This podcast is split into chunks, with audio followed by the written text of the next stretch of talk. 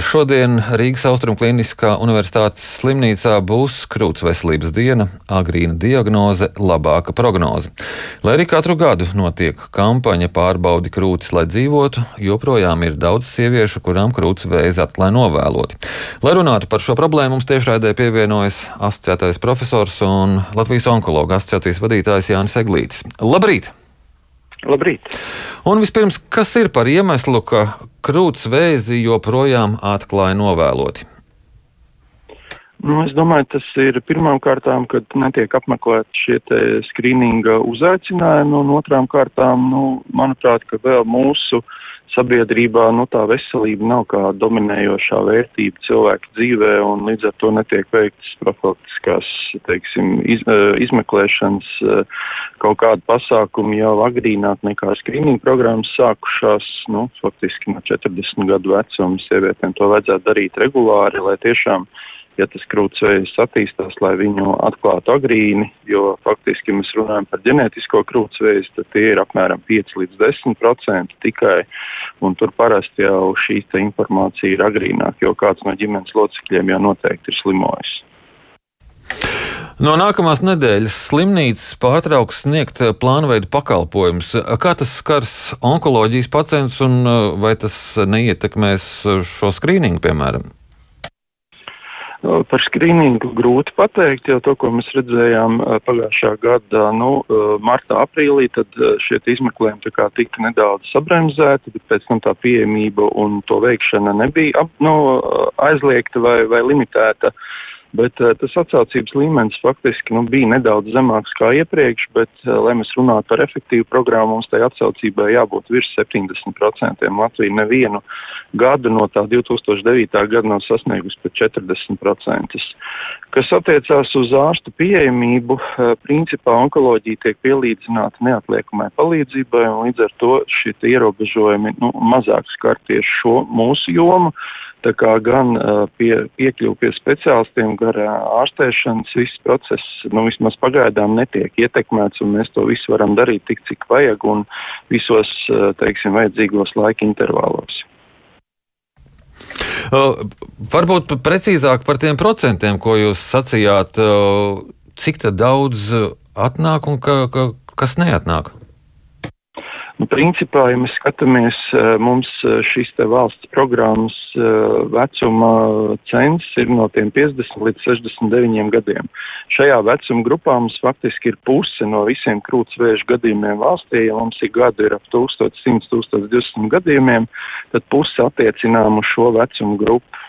Ja sievietes būtu aktīvas, viņas veiktu šo izmeklējumu, tad faktiski šajā vecuma grupā mums pamatā vajadzētu būt agrīnām slimības stadijām, respektīvi pirmajai, nu, maksimums otrajai.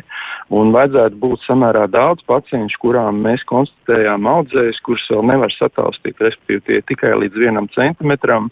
Un šādu nelielu audzēju gadījumā faktiski desmit gadu dzīvildze ir praktiski 99%, pat neatkarīgi no audzēja tipa. Tā kā šeit ir ļoti būtiska tā agrīnā diagnostika un kāpēc sievietes nenāk, nu to ir grūti pateikt, jo ir valsts pasaulē, kuras jau faktiski domā atteikties no šī te skrīninga, jo sievietes ir pietiekami apzinīgas un viņas to veids paši. Tā ir gan Kanādā, gan Šveicē. Tācīm redzot, tas sabiedrības izglītības līmenis mums nav tāds, un, diemžēl, mēs vienu trešdaļu no visiem gadījumiem saņemam trešajā, ceturtajā stadijā, kad ir faktiski jau liels veidojums krūts dziedzerī, vai ir attāls metastāzes, vai metastāzes reģionālos linkmazglos, un bieži vien tā ir nopietna arī higiēniska problēma. Bet eh, kā šobrīd ir ar ārstu pieejamību? Šobrīd ir aizsniedzami. Es domāju, ka pieejamība ir adekvāta. Faktiski zaļā koridora ietveros divu nedēļu laikā tiek nodrošināta speciālistu konsultācija.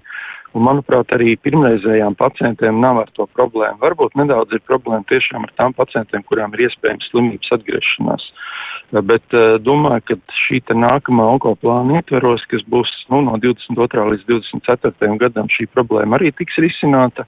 Un faktiski zināmā mērā šīs pacients, kurām pastāv aizdoms par slimības atkārtošanos, tiks pielīdzināts līdzīgi kā zaļā koridorā, ka viņas varēs šos izmeklējumus veikt uh, operatīvāk, jo tur tas laiks vēl ir būt būtiskāks nekā varbūt dažreiz pirmreizēji diagnosticētam audzējumam, kas ir ļoti lēni augošs, kurš ir faktiski pēc savām bioloģiskām īpašībām, nu, principā tāds diezgan miermīlīgs.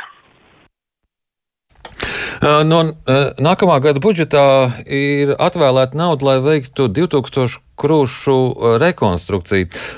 Tas ir pietiekoši?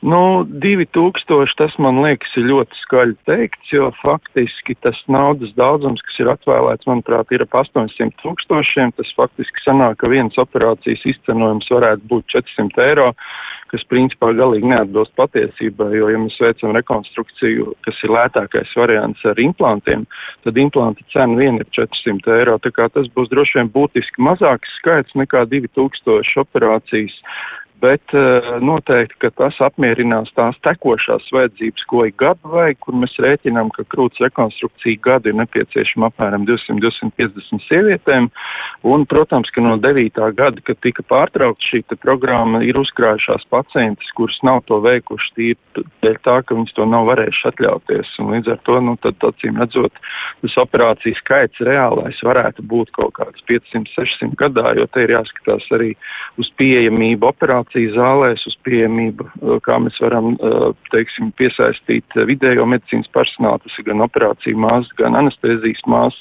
gan arī tos pašus anesteziologus, kas tādā Covid kontekstā ir ļoti noslogoti, jo šīs te rekonstruktīvās operācijas dažreiz aizņem 6, 7 un pat 8 stundas, un līdz ar to tas ir viena operācija uz vienu galdu praktiski visu darba dienu.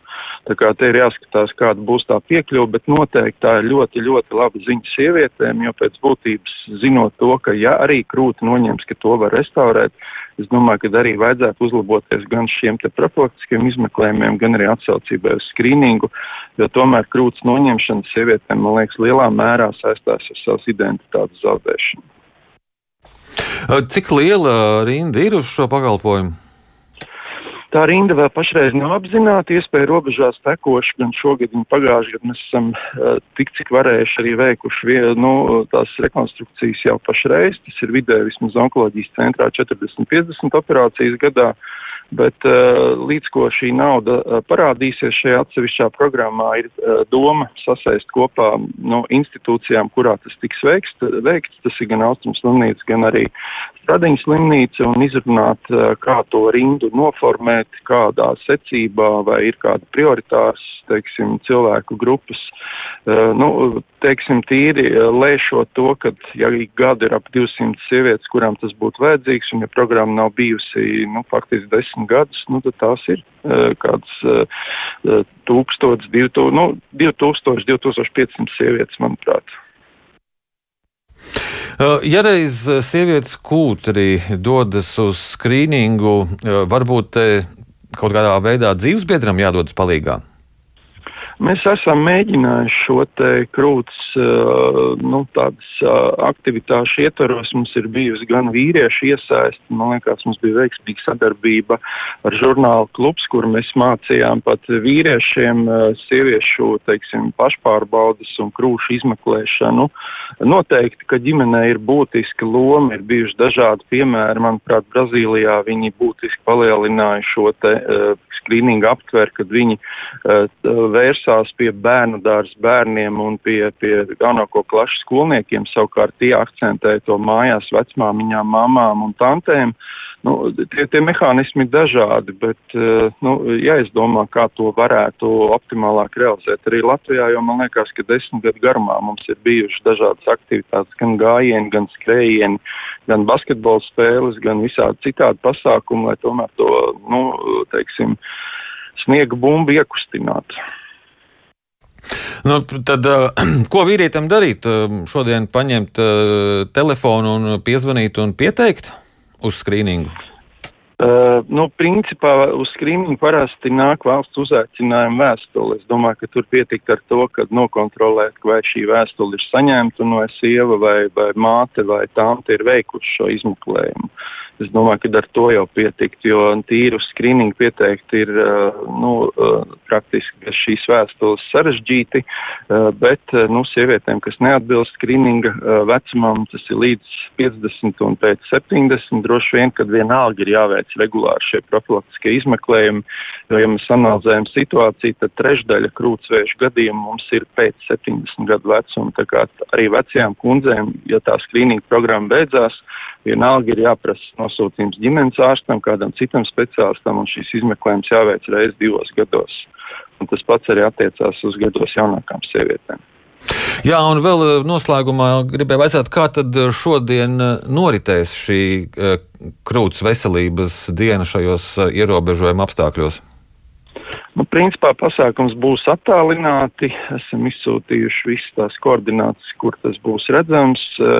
Attiecīgi būs pasākumu sadaļas, kas ir veltītas visai sabiedrībai, un faktiski trešā šī pasākuma sadaļa būs vairāk vērsta un domāta profesionāļiem tieši par to, ko mēs esam pēdējo gadu laikā vairāk darījuši, ko jaunu esam darījuši un kādas, teiksim, papildus iespējas tas mums sniedz gan šai te agrīnai diagnostikai, gan precīzai diagnostikai, gan arī ārstēšanas plānu, teiksim, izvērtēšanā.